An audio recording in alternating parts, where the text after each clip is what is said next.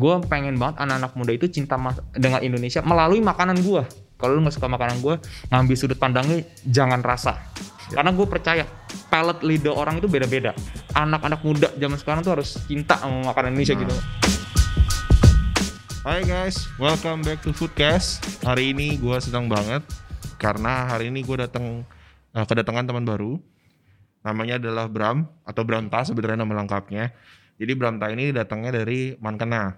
Nah, sebelum kita ngomongin soal Mankena, seperti yang jadi tagline kita di Foodcast adalah di ada cerita selalu di balik setiap rasa. Nah, hari ini gue juga pengen denger nih cerita di balik rasanya Mankena. Nah, Abram apa kabar? halo man thank you, thank you udah diundang Ini adalah tamu pertama kita yang memang bener-bener apa ya? Ya kita baru kenal sih ya, Iya, bener-bener. Tepuk tangan dulu dong. Oh, yang belakang tepuk tangan dulu mana suaranya? Yang bener dong. Nah, gitu.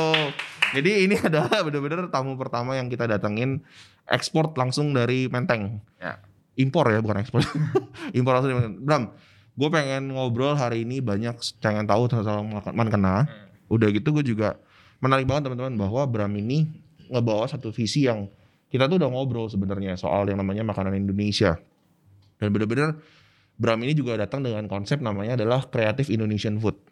Nah kita dengar dulu ya dari Bram. Gimana Bram? Coba ceritain dong. Oke, eh, teman-teman, sebenarnya nama gue Bramta dan gue baru banget di Benteng itu baru gue kurang lebih 4 bulan. Sebelumnya gue di Bandung, namanya Bara. Oke. Oh iya, sebelumnya Man Man Mankena. Mankena. Mankena namanya, Mankena. Mankena. Ah, ah. Jadi eh, spellingnya Mankena. Eh, artinya adalah makanan untuk kalian, blessing. Gue pengennya tuh kayak makanan gue tuh semua orang tuh bisa makan blessing tangan terbuka gitu loh. Nah itu berasal dari eh, bahasa Batakaro. Oke. Batakaro. Nah, sebelumnya namanya bara. Bara itu alasan sederhana karena panggangan gue tuh ada batu baranya. Oh, Oke. Si simpel itu gitu. Iya. Di Bandung gue bikin kurang lebih hampir satu tahun kena pandemi. eh, akhirnya gue balik ke Jakarta bikin mankena. Dari resep semua sama, cuman kalau dari segi konsep gue bedain sedikit. Oke. Eh, eh, kalau di Mankena itu full makanan eh, berat ya main course ya. Kalau di sini gua ada cemilan-cemilannya. Itu sih paling. Oke. Nah, sekarang kita breakdown sedikit demi sedikit nih Mm. soal menu yang ada di Mankenanya. Kemarin gue juga sama tim udah cobain datang ke Mankena. Dan ya ini Anas review, bener-bener Anas sama anak-anak tuh kita semua ngelihat bahwa, wih makanan itu enak-enak banget. Nah, sekarang boleh lu ceritain nggak dari menu lu dulu nih yang makanan beratnya main course-nya. Sebenarnya apa sih yang mau lu coba bawa visi visi soal kreatif Indonesian food sendiri itu yang pengen kita hari ini bagiin sama teman-teman di luar sana. Oke, jadi karena gue berasal eh, kerja gue dulu di dunia industri oh, fashion sebenarnya. Ya. Gue dulu di fashion lama banget di fashion. Terus gue mengangkat kreatif itu dari fashion. Jadi pada saat gue bikin mankena, kayaknya makanan Indonesia tuh bisa dibikin kreatif gitu loh. Satu, yang kedua, gue tidak mau uh, membuat makanan gue tuh heritage. Contoh, kayak misalnya sop konro Makassar, misalnya atau soto Betawi gitu. Alasannya sederhana banget, karena makanan gue tidak mau makanan gue di compare, Oke. di compare. Contoh misalnya, ih soto Betawi ini yang asli nggak kayak gini nih, misalnya kurang garam atau kurang apa, nah gue nggak mau. Lebih baik kita makanan Indonesia ini rempahnya kita rich banget, gua kulik banyak, gua kulik lumayan lama gitu ya untuk R&D-nya ini. Akhirnya muncullah tiga menu utama gitu di dalam main course gua. Yang pertama itu pertama kali nemunya ayam bakar rempah, yang kedua ayam bakar kacang, lalu yang ketiga itu tuna bakar kecombrang. Dan gue punya specialty nasi aroma gitu. Nah terus kalau kalian lihat pertama kali itu yang muncul di eh, menu gue adalah ayam bakar rempah. Jadi dulu, nah ini ada ceritanya nih ayam bakar rempah nih. Ayam bakar rempah itu di depan rumah gue persis itu ada yang jualan ayam bakar ini. Oke. Ah, ah, ada yang jual ayam bakar ini orang "M, ayam ini kok enak banget gitu. Jadi singkat cerita dia punya ada nggak tahu lah ya kayak ada eh, apa ya bangkrut atau gimana gitu suaminya. Oke. Tapi karena kita tetangga-tetangga ini suka ayamnya dia dan dia tuh baik banget jadi diajarin tuh resepnya. Oke. Diajarin tuh resepnya. Wah, gue selalu percaya ayam bakar rempah ini punya oh, soulnya. Hmm. Dan akhirnya ber- berjalannya waktu, gue percaya banget ayam bakar ini bisa dijual dan diajarin lah ke cewek gue. Nah, cewek gue tuh chef gue ya teman-teman gitu. Oke. Nah, setelah itu cewek gue bilang eh, partner gue makanan rumah itu kalau lu tanya enak enak tapi kalau lu mau mau jual itu harus lu naikin lagi levelnya nah akhirnya kita naikin lagi tuh ayam bakar yang sudah enak itu kita naikin lagi levelnya. Dari segi keumpukannya lu udah cobain ya? Iya. Nah, dari eh, keumpukan ayamnya dari cara res- eh, meresapnya bumbunya kita belajar lagi tuh. Godok lagi gimana nih rempah bisa masuk di ke dalam ayam bakar rempah kita. Oke itu udah lama banget R&D banyak. Buang-buang ayam tuh udah sering tuh dulu tuh. Udah jutaan lah kita R&D untuk satu menu doang. Lalu eh, udah dapet nih udah dapet wah nih pas nih ayam bakar rempahnya. Yang kedua ayam yang kita temuin ayam bakar kacang. Sederhana nyokapnya eh, chef gue itu nggak bisa makan pedes sama sekali. Oke. nggak suka. Nah gimana caranya biar orang itu makan makanan gue tuh rempah gue kan sedikit pedas hangat ya. Yang nggak pedas akhirnya kita bikin yang kacang kita bikin kita godok kacangnya. Kenapa kita bikin kacangnya bertekstur? Biar digigit nggak bosan. Iya, iya benar. gitu. Alasannya kalau misalnya lu makan nasi padang nih nasi, nasi padang banyak enak gak enak tapi bosan kalau kebanyakan. Iya. karena ya gitu aja. Ber ber ber ber ber, ber. nah itu gue nggak suka. Akhirnya gue bikin ayam bakar rempah. Terakhir tuna bakar kecombrang. Nah mungkin ayam tuh common banget gitu. Gue suka makan tuna sesimpel itu aja. Gimana kalau kita bikin tuna bakar emang bisa dibakar ya udah kita R&D lagi nah gue pengen banget bikin kecombrang waktu itu karena di Bandung itu susah banget kecombrang by the way belinya susah gitu Oke, ini sebenarnya diingetin lagi ya. Berarti sebelumnya kan memang Bara ini bukannya di Bandung. Di Bandung Makanya, dulu. eh, field researchnya dari Bramta sendiri waktu itu jarang makanan kecombrang di Bandung ya. Benar. Oke. Nah, jadi gue jual eh tuna bakar kecombrang gua. Singkat cerita lah ya, gue gagal di Bandung karena satu dan lain hal. Gue balik ke Jakarta pas pandemi itu bener-bener gue itu udah rugi aduh ratusan juta di di Bandung gitu loh. Karena dan waktu gue balik ke Jakarta, sewa gue masih ada satu tahun setengah Masih sisa di sana. masih sisa gitu loh. Udahlah, gue harus pulang nih ke Jakarta. Ke Jakarta, gue nyari-nyari, akhirnya dapet lah di eh, di shop House Menteng itu. Pertanyaannya gini sih, ke kenapa lu berani malah pandemi lu yakin nih gue buka deh di Jakarta karena gue yakin makanan gue ini ya masuk nih market Jakarta. Kenapa? Kenapa lu yakin sebenarnya? Oke, eh di balik itu lagi sebelumnya. Di Bandung itu menurut pandangan gua, eh, di sana itu banyaknya western, terus coffee shop, sama eh, yang goreng-goreng kayak bancakan atau apa gitu. Gue lupa ya namanya. Nah, digoreng-goreng. Gue timbulin satu lagi ini susah banget. Oke lah, gue pindah. Mau nggak mau, kan harus gue harus pindah. Gue harus gue nggak bisa bikin. Nah sekarang gini, makanan gue kalau di daerah Depok, daerah Jakarta Timur itu nggak akan mungkin dibeli. Oke. gitu karena gue udah tahu eh, karakteristik makanan gue gue harus di pusat atau di selatan. Gitu. Nah singkat cerita gue muter nih. Dan gue udah nggak kuat nyewa, nyewa satu ruko lagi kan karena kan gue udah udah ancur-ancuran tuh di Bandung. Gue nemu lah di shop house ini. Nah teman-teman waktu gue di shop house itu makanan gue dikurasi dikurasi ya jadi nggak sembarangan masuk situ makanan gue dikurasi puji Tuhannya gue bisa masuk Oke. lolos akhirnya buka ya dengan dengan budget seadanya gue memberanikan diri untuk buka di Menteng gitu sih Oke oke oke. Nah bicara sedikit lagi tarik soal menu-menu yang tadi Hmm. kita bahas. Gue pribadi teman-teman gue bertestimoni ayam tuna eh sorry tuna tuna kecombrang itu itu wah itu paling paling enak sih menurut gue ya karena bener-bener gue itu termasuk orang yang bisa dibilang jarang makan kecombrang dan nggak bisa terlalu makan karena menurut gue kecombrang tuh punya karakter rasa tuh yang Hmm. strong banget Iya. yang kalau kayaknya kalau orang bisa tuh pilihannya tuh gini lu antara suka banget atau langsung nggak suka banget itu kecombrang karakteristik menurut gua ya nah yang terjadi adalah ketika gua makan ini bukan karena berantem jadi narasumber ya teman-teman ya bener-bener gua ketika uh, makan itu gua rasain bener-bener wah ini bisa gua terima nih nah kalau ngomongin soal menu sebenarnya apa sih yang mau lu bawa kenapa sih maksudnya gua akan coba tarik lagi ngebahas soal yang namanya creative food kenapa sih makanan Indonesia kenapa sih harus creative food apa yang lu lihat dari situ sebenarnya bro Oke, Mbak. Eh, pertama kali kenapa makan Indonesia ya? Sebenarnya gue dicerita juga nih sama, sama tim ya. Gue suka banget makan ada di salah satu. Ini common banget makanan Indonesia tuh di mall-mall tuh ada. Gue suka banget makanan ini gitu loh. Hampir 90% makanan eh menunya dia udah pernah gue cobain. Ya, gitu kan. Enak semua dan akhirnya timbul sendiri di diri gue. Makanan Indonesia punya soul. That's why kenapa kita dijajah? Ya karena rempah kita gitu, bukan karena yang lain gitu kan Western itu mostly kalau kata chef gue salt and pepper kebanyakan. Gitu. Memang eh, rasanya itu muncul dari ya dari dagingnya udah enak gitu mahal gitu kan. Makanya singkat cerita gue makan rem- rempah itu ternyata susah diolahnya. Nah by the way chef gue itu lebih suka masak Western sama pastry. Gue paksa Indonesian food gitu karena gue mau bikin ini. Nah gue cinta banget sama Indonesia gitu. Gue cinta banget sama Indonesia. Gue pengen banget anak-anak muda itu cinta dengan Indonesia melalui makanan gue gitu. Oke deh, lu mungkin gak setuju dengan governmentnya atau apa, gue nggak peduli kayak gitu. Tapi lu harus cinta tetap Indonesia. Akhirnya gue main dari rempah.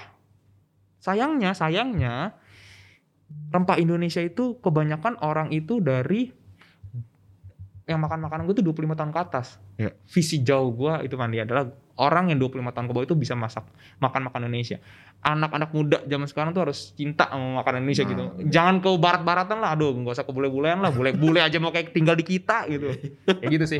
Oke, Gampangnya kalau tentang makanan Indonesia-nya. Iya ya makanya menarik berarti memang teman-teman sesuai dengan apa yang eh, gua sama tim percaya bahwa selalu ada cerita di balik sebuah rasa tuh apa ya gue juga melihat visi yang sama sebenarnya dari dari apa yang Bram buat gitu. Karena eh, Bram tuh menurut gue jarang lah gitu. Sekarang orang tuh mikirin sampai hal-hal yang seperti yang tadi Bram bilang. Karena sekarang dengan kondisi yang ada orang kan susah dan lain sebagainya pandemi.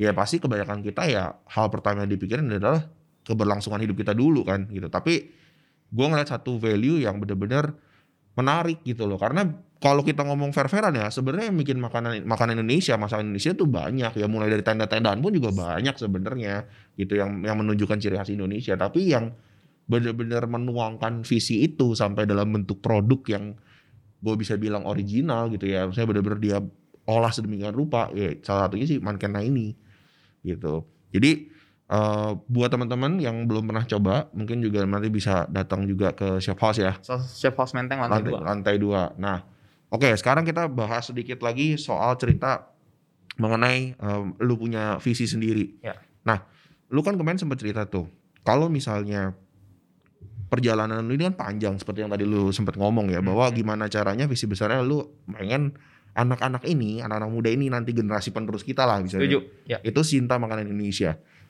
So far dari lu perjalanan yang lu punya, apa sih yang lu bisa pelajari sebenarnya? Apa sih yang lu bisa lu bagiin ke teman-teman? Kegagalan lu mungkin kenapa yang ini yang harus lu perhatiin? Ternyata dulu gua nggak terlalu peduli soal ini. Boleh nggak sih Bram ceritain soal kegagalan-kegagalan itu atau mungkin pesan-pesan buat yang lain? Sebelumnya nih disclaimer dulu nih. Ya. Gue bilang ke Fandi dan tim, kalau lu nggak suka makanan gua, kita am, eh, apa namanya istilahnya gini, kalau lu nggak suka makanan gua, ngambil sudut pandangnya jangan rasa. Oh gitu gue bilang ya sama lo ya. Iya, Nah, iya. Karena gue percaya palate lidah orang itu beda-beda. Iya. Nah, jadi kalau chef gue bilang itu makanan itu ada enak sama ada standarnya. Ya. Nah, kalau misalnya makanan gua ada masih di standar ini, ah nggak enak-enak banget makanannya seberantak, tapi ada di standar ini boleh ngomongin rasa. Tapi kalau udah di bawah itu, waduh, jangan. Ya. Akhirnya eh, lu setuju setuju ya, gitu Ya, ya, ya. dengan dengan dengan itu akhirnya gua mau diundang ke sini. Oke, kegagalan ya. Iya. Sebenarnya kegagalan gini ya. Gue itu dulu pernah bikin warkop-warkop so asik gitu aja ya. Di mana sih, Bro? Di Depok. Di Depok. ya? Warkop so asik bener-bener so asik aja gitu kan. Gagal gue Oke. gagal terus ada senior gue bilang lu ngapain bikin tempat nongkrong No- eh, nong beli kopinya cuma lima ribu wifi nongkrongnya udah seribu tahun oh iya bener juga gue bilang gitu kan gue singkat cerita gue bikin ini bisnis plan asal eh, bukan bisnis plan asal-asalan lah gue nanti kalau punya eh, bisnis lagi gue mau kayak gini nih muncullah itlah. Oke. ya seti- setelah 8 bulan itu wah ternyata gue percaya. Ide kalau nggak bisa direalisasikan hanya jadi sebuah ide. Ya. tapi gue gue nggak bisa masak. Gitu gue nggak bisa masak gue cuma suka dari sisi kreatifnya aja. Lima tahun gue menemukan oh, partner gue ini wah dia bisa masak nih. Akhirnya gue menemukan lah partner. Sebenarnya gini sih kalau lo punya bisnis ya kalau lo nggak coba ya jangan gitu. Lo kalau bisa harus siap miskin Oke. Udah siap miskin, gue udah siap. gue sudah siap miskin, gue bilang gitu. Karena dan gue belum kenapa gue belum menikah. Iya, iya. Alasan sederhana, gini. Gue lagi berbisnis, gue nggak mau ngajak ah, eh, istri sama anak gue miskin bareng gue. Oke, menarik nih. Nah, gue nggak mau ngajak mereka tuh miskin bareng gue. Iya, iya. Jadinya lebih baik kalau sekarang kan gue cukup ya, gitu kan. Nah, singkat cerita, gue lebih baik ma berbisnis ini gue ah, istilahnya gue gue berdarah berdarah sendiri nanti mereka nggak usah ikut berdarah bareng gue Oke. yang penting konsistensi sih nah itu gue paling sus bisnis paling susah konsistensi nah gue sudah mulai membiasakan diri untuk konsistensi Oke, berarti gue tarik sedikit ya tadi Hmm. dari obrolan lu soal Hmm. kegagalan ataupun pesan-pesan juga buat orang-orang yang mau berbisnis bicara soal pertama ide tuh ya harus dieksekusi. benar Kalau enggak ya akan jadi sampai ide aja gitu, mentok di ide aja dan akhirnya end up ketika lu menunda waktu lu akan ada orang lain yang mengeksekusi ide yang sama. Yang kedua tadi bicara soal konsistensi ya, konsistensi itu dalam berbisnis. Nah, pengalaman lu sendiri so far perbedaan field lu yang ada di Bandung sama sekarang di Jakarta itu gimana perbedaannya? Oh, Apa yang lu rasain sebenarnya ketika lu ngejalin bara sama ngejalin mankena? oke eh tapi ini ini ini ini based on my experience Iya, iya nggak apa-apa. ini ini jadi nggak experience orang beda-beda jadi di Bandung itu eh setelah gue lima tahun lima tahun setengah kerja di as a PR di beberapa di berbagai industri gue so asik. Kan ah gue ke Bandung ah. Bandung enak kayaknya dingin ya kan kota kuliner gitu kan. Gue datang ke sana by the way tempat gue di bara itu lucu banget. Eh gue kasih lihat ya. Iya, Ah, ah, itu kayak rumah tua gitu. Ternyata di Bandung rumahnya kayak gitu semua. Iya. di daerah gue itu jadinya nggak ada diferensiasi. Ternyata itu common. common di sana. Waduh, gue salah nih, gue bilang gitu. Oke. Satu, yang kedua, em, ternyata ya dari UMR, ya sorry tuh saya beda banget sama Jakarta, gitu kan. Gue gue akhirnya mikir lah.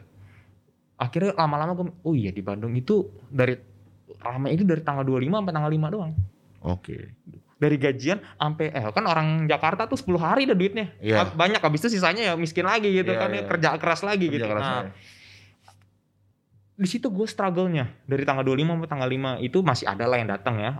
Sisanya, waduh gue mikir gimana. Dan gue orang Bandung kan, ya bukannya gue menjelekkan orang Bandung, nggak sebanyak eh, opportunity kerjanya di Jakarta. Iya, Ya, iya. paling kerjanya gue udah tau lah, paling cuma ada 3 sampai 4 opsi aja di Bandung.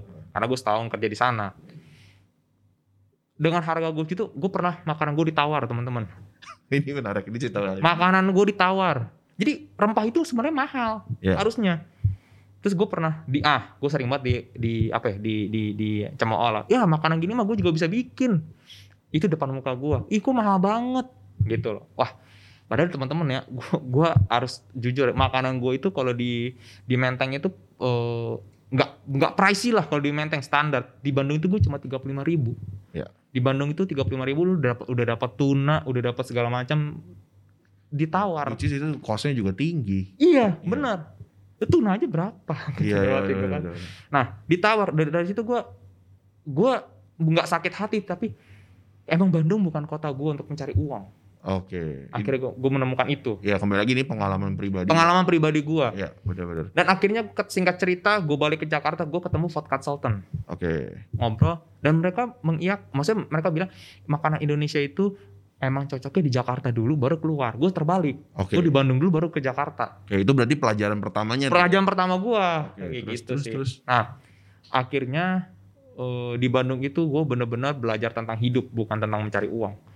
Gitu kan. Wah gimana caranya struggle. Gue jujur jujur aja dulu gue kerja di fashion ketemunya model mulu gitu kan sekarang gue tidur bareng ayam gue nyuci ayam dulu Hmm. sendirian nyuci ayam sendirian tidur bareng ayam jadi ayam gue masih gue gue tidur dekat situ gitu gue udah udah udah ngerasain itu benar-benar 180 derajat berbeda sama kehidupan gue di Jakarta dulu waktu gue kerja kantoran tapi itu sih yang buat gue tough gitu maksud gue sekarang kalau gue walaupun bisnis gue gagal ya udah Iya. gagal bikin lagi yang lain gitu Oke. gak usah takut Terus kalau bicara soal Jakarta, hmm. akhirnya udah berapa lama sorry tadi? Empat bulan. Empat bulan ya. Hmm. So far empat bulan ini lu ngeliatnya gimana? Wah puji Tuhannya sih lumayan oke sih. Lumayan lumayan bagus dan dan memang gue gue dari awal bikin ini ya Pan ya gue udah gue udah udah udah percaya banget makanan gue ini akan lama diterima orang. Hmm. tapi konsisten. Jadi Ya.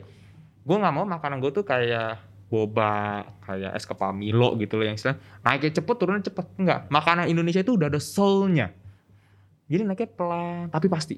Ya. gue percaya banget sama rempah Indonesia. Gue percaya banget gitu nggak tahu ya gue sok-sok anak-anak ini aja ya 4 420 gitu ya kan anak-anak senja aja tapi gue Iya, percaya gitu loh India, Anak-anak indie gitu. Indie. nah gue Oke. percaya rempah Indonesia itu punya soulnya kan bisa Oke. gitu orang-orang pasti akan terima Ya karena kemarin gue juga ngobrol sama Bram sama hari ini gue juga mau kasih tau teman-teman bahwa memang uh, bukti di lapangannya pun demikian artinya kalau teman-teman sering juga cobain makanan-makanan Indonesia yang uh, rempahnya kuat banget ya. Ya. Itu adalah restoran-restoran yang pasti konsisten sebenarnya. Benar, Dan benar. memang ibaratnya in the long run lah ya, bukan sesuatu yang tiba-tiba booming, tiba-tiba turun gitu.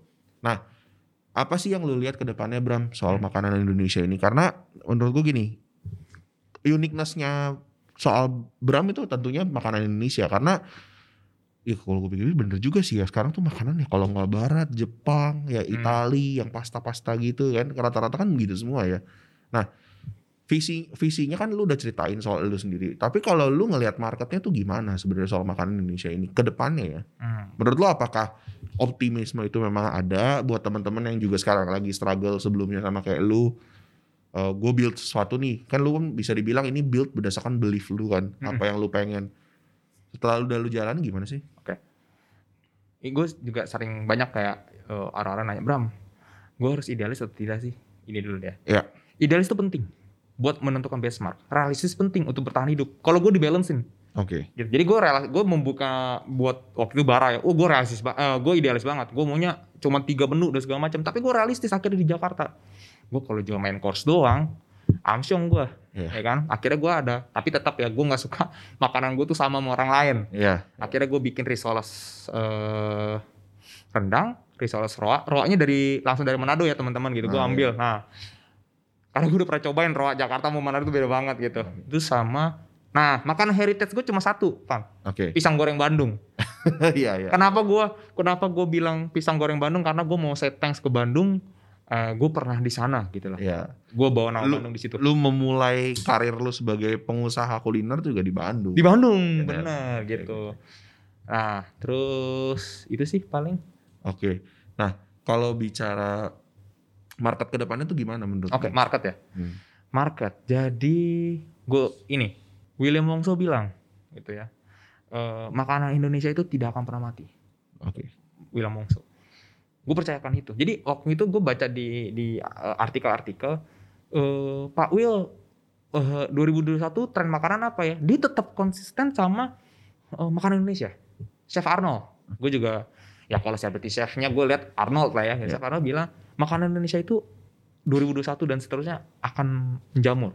Gue percaya itu dari sebelum mereka ngomong itu. Ya. Nah, Maksudnya gue tahu makan sebelum mereka gue tahu ternyata mereka ngomong itu juga gitu. Oh ternyata gue nggak salah nih jalan yang gue pilih. Marketnya itu pasti ada. Nasi adalah pondasi. Dari kecil kita udah kena nasi gitu. Ya, gue ya. percaya banget itu nasi adalah pondasi. Makanya gue itu eh, market itu bisa dibentuk. Waktu di Bandung itu susah banget. Oke. Bisa, tapi gue butuh mungkin 10 tahun untuk memperkenalkan makanan gue di Bandung. Kalau di Jakarta mungkin gue bisa short. Sekarang udah lumayan. Ada beberapa loyal customer gue datang, terus ada kayak misalnya eh, ini gue bukannya membanggakan customer gue ya. Jadi kayak ada satu orang customer gue ini sering buat ke, ke Mankena. Dia tuh sering makan keliling Indonesia. Gitu. Sering makan keliling Indonesia, dia bilang "Eh, Bram, thank you. Ah, kenapa? Kenapa Mas? Gue bilang gitu kan makanan ini gue belum pernah makan di daerah mana pun. Emang ini bener-bener dari lu. Jadi memang Mankena itu soulnya di gue sama cewek gue gitu, sama, sama partner gue gitu. Gue nggak mau mereka itu eh, datang ke Mankena itu ah makanan ini sama. Enggak. Gue brand gue dari gue belajar di fashion, gue harus ada unique selling pointnya. Oke. Terus sih paling. Oke. Gue pengen tahu sedikit Bram. Tadi kan lu bahas soal USP nih. Menurut lu seberapa penting USP dalam dalam usaha kuliner? Oke, jadi gini. USB itu gue temukan di fashion sebenarnya kata-kata itu gitu. Terus abis itu gue tuangkan ke makanan gitu kan. Seberapa penting? Itu penting banget. Karena alasannya sederhana. Gue tidak mau makanan gue sama sama orang lain. Maupun sama nggak apa-apa asal jangan terlalu banyak. Oke. Terus abis itu, nah research yang penting sih, Van. Oke. Itu research penting banget gitu. Sebelum lo memulai suatu produk, sebenarnya makanan itu dibutuhkan gak sih? Nah, gue salah research. Ternyata makanan gue tidak dibutuhkan di Bandung. Di Oke. Jakarta ternyata masih banyak yang masih appreciate sama makanan gue. Itu sih. Dan gue percaya banget eh balik lagi ke kekuatan rempah ya. Jadi unique selling point gue adalah gue menjual mak- rempah itu bukan cuma bawang merah, bawang putih. Oke. Itu satu. Yang kedua, oh ada satu ini ini gue harus ceritain. Ada satu customer, eh, saya mau makanan pedas. Rempah itu bukan pedas, rempah itu hangat. Ini harus Iya. Spice not spicy. Nah, ini, ini mesti diluruskan tuh tadi kalimat bagus. Spice Not is spicy. not spicy. Iya. Oke. Bukan. Heeh. gitu. Jadi banyak banget. Gue harus meng- mengedukasi. Nah itu asik banget sih meng- mengedukasi orang. Aduh saya sukanya yang pedas banget. Gue kasih tahu lagi, Mbak. Kalau gue ini nggak akan pernah bosan.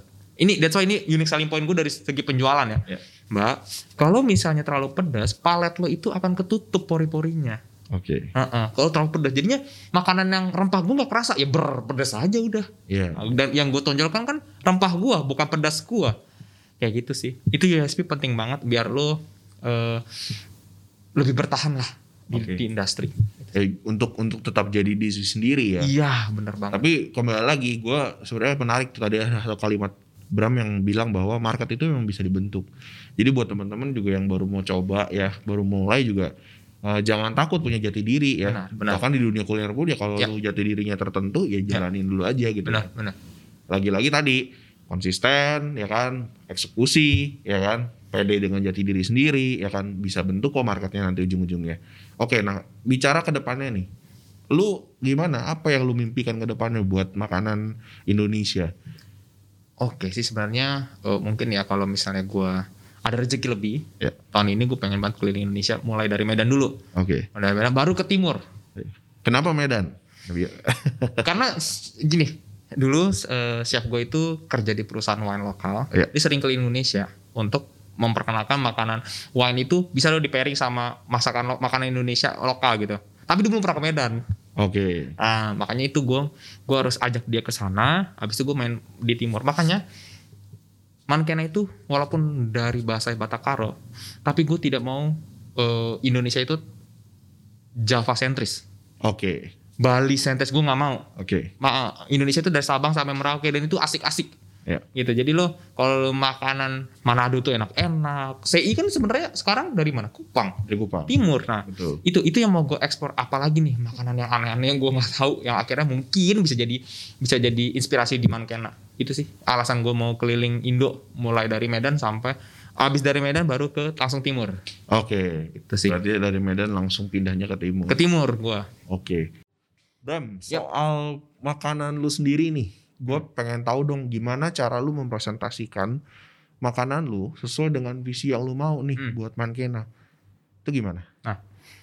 di Menteng dulu deh Oke. di Menteng lu kalau li- lu lihat di shop house itu yang pakai besek gue doang ya yang bener-bener Indonesia tuh gue doang. Kenapa? Tadinya gini eh yang eh, banyak orang bilang Bram lu dulu gue di di di Bandung di Bara itu gue plating well pakai piring was kan tapi lama-lama pas di sini yang pertama nyucinya banyak gitu kan. Ya. akhirnya gue pakai besek.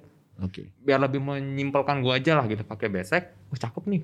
Ya Ya. kan pakai besek Indonesia ke dapet. Nah anak-anak yang umur yang tadi itu 25 ke bawah tuh pas foto tetap ciamik makanan gue di foto gitu loh Iya, iya. karena kan gue kayak akan warna gitu kan di, Betul. di makanan gue nah, terus gue kasih tag jadi gue kayak apa namanya eh, traditional meets modern gitu loh Oke. nah jadi gue kasih tag biar apa sebenarnya sih pada saat dia foto mankennya gue kelihatan Oke. nah itu that's why kenapa USP itu penting banget di situ tuh Oke. Ah, lu harus tahu diferensiasi lu di mana pas. Oh, ini ada mankena minimal ada deh, kelihatan gitu.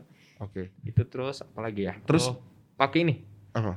sendok kayu. Oh iya bener. Ya, Sendok kayu kemarin. pakai sendok kayu. Nah, kenapa kayaknya? Ya, gini deh.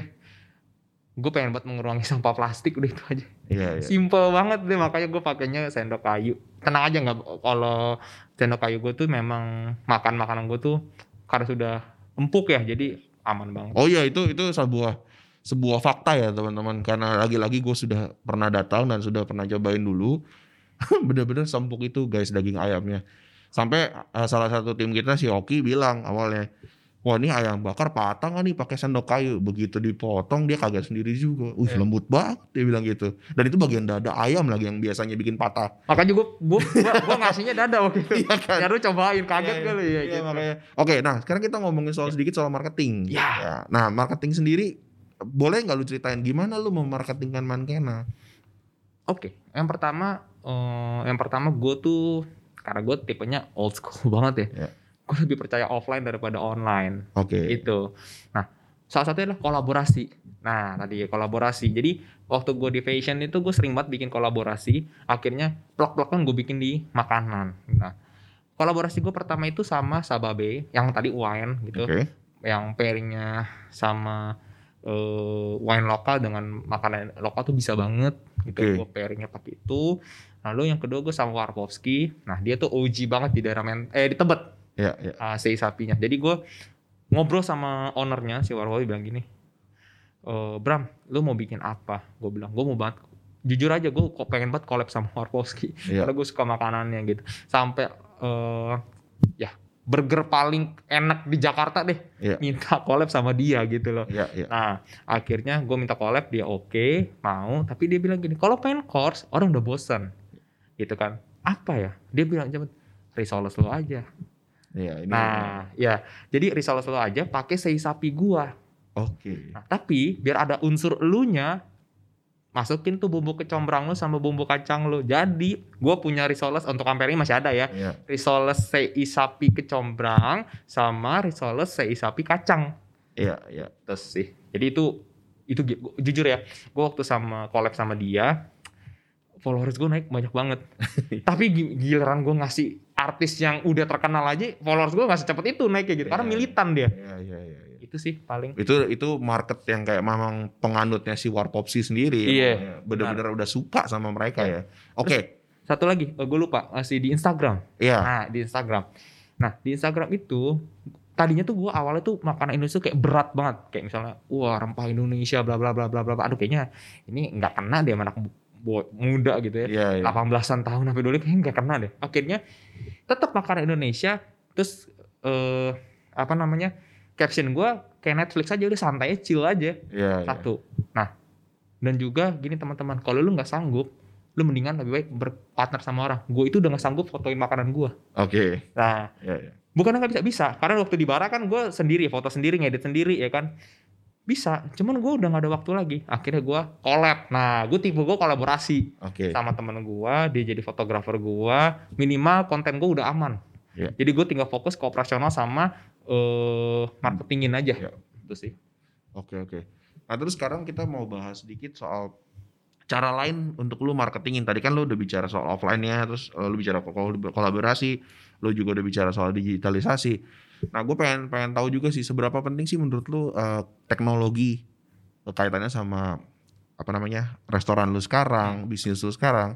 Kita bicara soal pengiriman nih, delivery. Hmm. Itu lu lakukan juga nggak sih?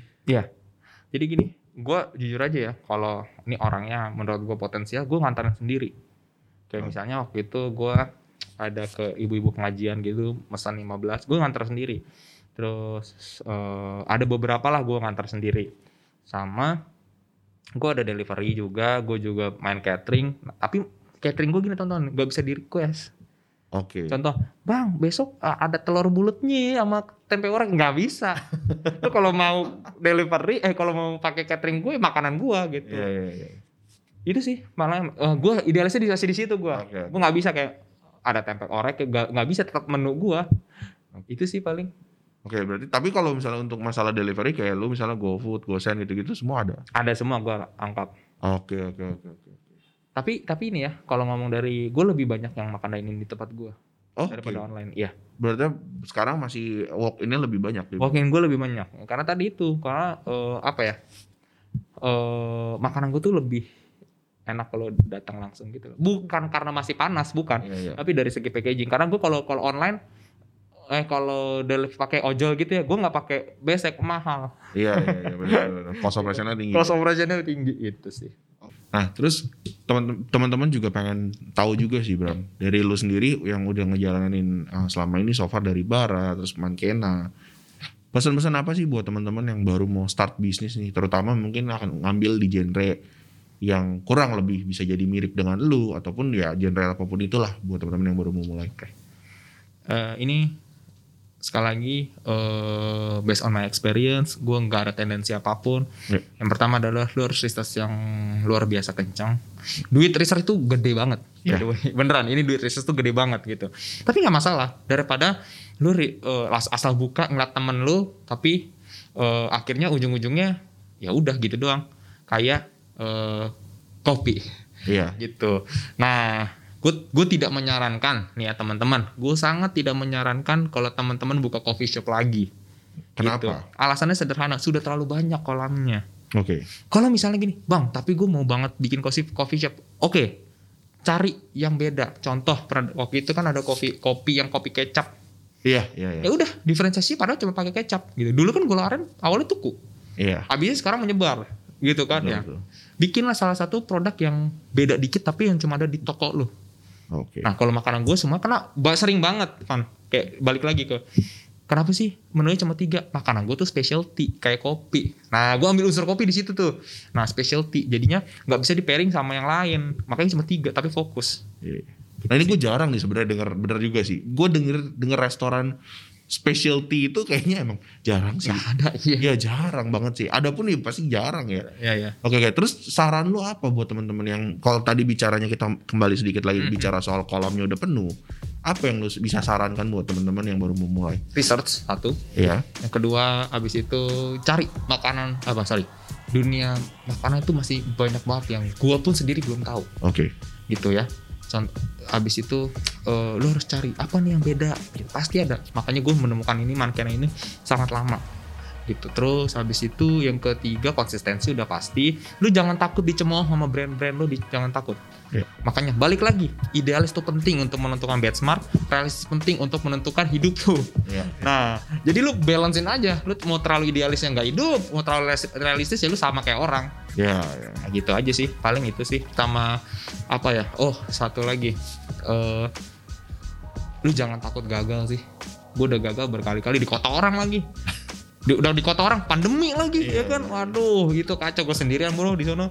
Nah, jangan takut gagal sih. Oke. Pasti brand lu ada eh marketnya. Itu sih sama.